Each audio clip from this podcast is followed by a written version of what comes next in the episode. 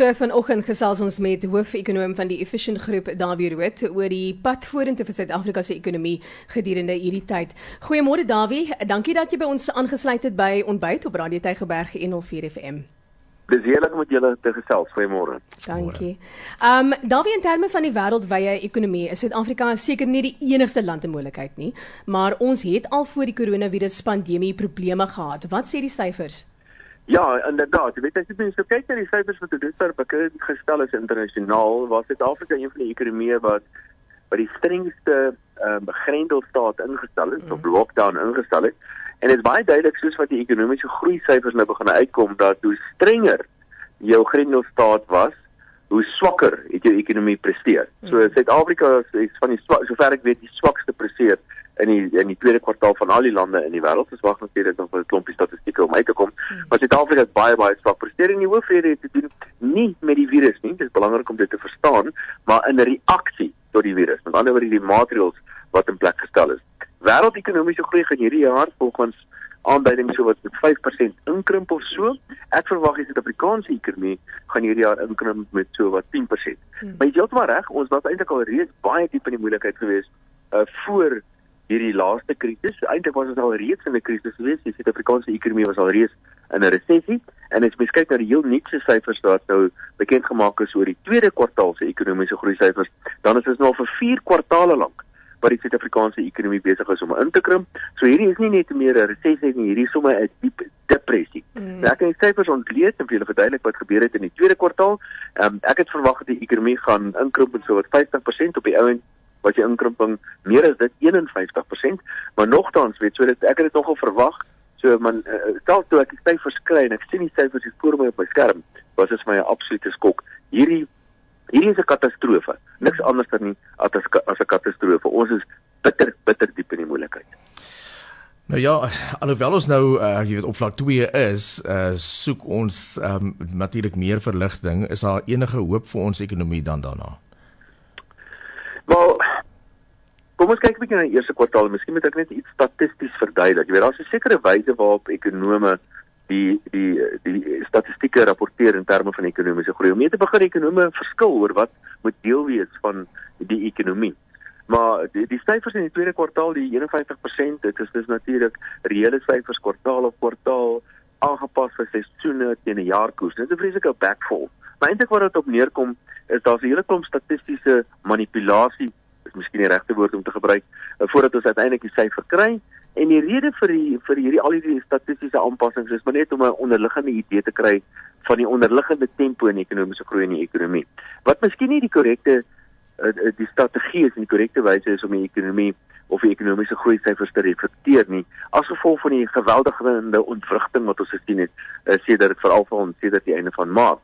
Um, 'n ander manier om daarna te kyk is om net te kyk na die kwartaal op kwartaal syfers, met ander woorde nie aan te pas by vir die vir 'n jaarkoers nie. In daardie geval die ekonomie met baie minder ingekrimp het. Maar hoe dit ook al sê, uh die die konvensie in Suid-Afrika is om hierdie spesifieke manier te gebruik om ekonomiese groei uh aan te dui.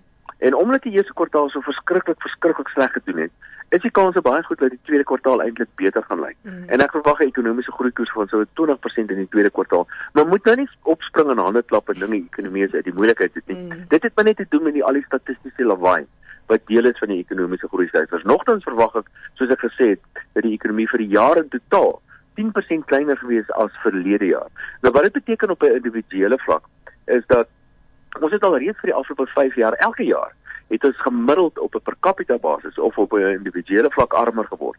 Nou gaan ons in hierdie jaar gaan ons sowat gemiddeld sowat 15% elkeen van ons armer word. So alhoewel die derde kwartaal waarskynlik positiewe ekonomiese groei syfers vir ons gegee, is dit nog beteken dit glad nie dat ons uit die gat uit is nie. En behalwe uh, vir natuurlik die die grendelstaat, as jy net op die ander faktore wat dit baie moeilik maak vir die ekonomie om te groei. Een daarvan is die staat se finansies wat absoluut absoluut in 'n warbel is en die staat oor die algemeen wat word uiters swak bestuur.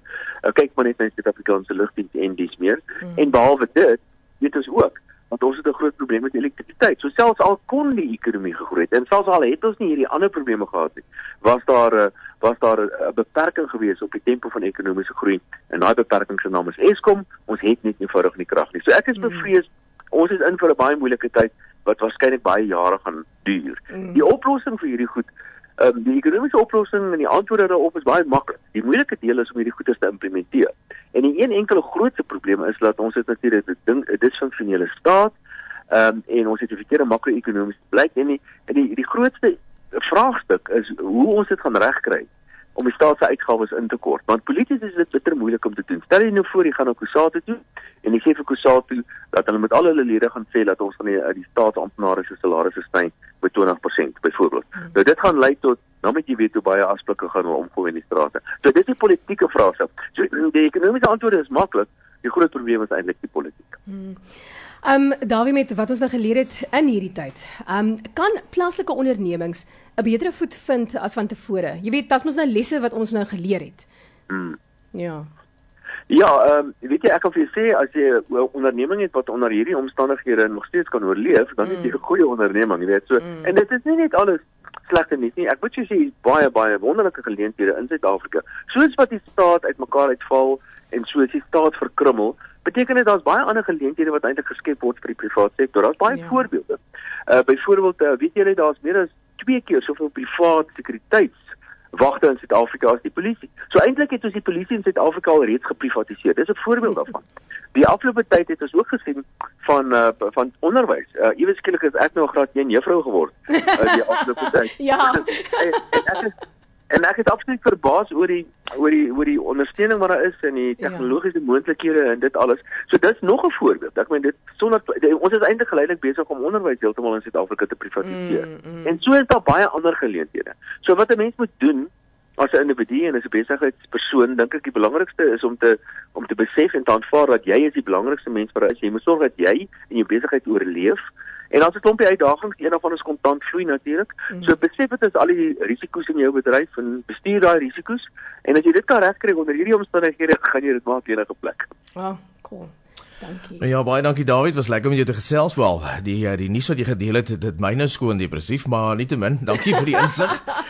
nee, maar weet jy wat die ding is Dawie, uh, vir my persoonlik, ek voel altyd 'n mens moet weet presies realisties waar goed is, jy weet, en as jy weet, kan jy eintlik nou 'n betere pad vorentoe vir jouself skep. So ons moet weet wat die uitdagings is. Ons moet weet wat aangaan sodat ons nou eintlik nou, jy weet, daai daai pad maar nou net lekker skoon kan maak om vorentoe te gaan.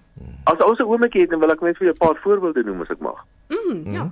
Die, weet jy, gedurende hierdie tyd sit ek nee, hier's 'n paar praktiese voorbeelde. Ek sit nou by die huis en werk. Ek het in die verlede baie by die huis gewerk, maar nou doen ek dit baie meer. Mm. En ek het agterkom my huis is baie donker. En nou wil ek hierdie skylights in my huis insit en ek het hier mense gekontak. Ek moet maande wag om dit te doen.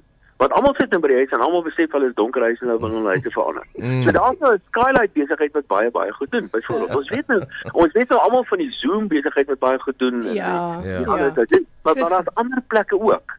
Uh, en vir, wat vir my verbasend is is dat mense koop baie meer eiendomme nou. Want jy werk by die huis, jy wil nou ten minste 'n jacuzzi by die huis hê. ja. Ja, dan 'n bietjie meer beter omstandighede by die huis. So dit verander goeder. So die, ek dink die belangrikste is wat ons hier moet verstaan is dat die verandering besig is om plaas te vind. Verandering is pynlik, maar verandering bring sekerlik ook geleenthede. Ja, dit doen. Nou ja, Dawie baie dankie en uh, alles in die beste ons gesels weer. Dankie, lekker dag. Goed gaan, bye.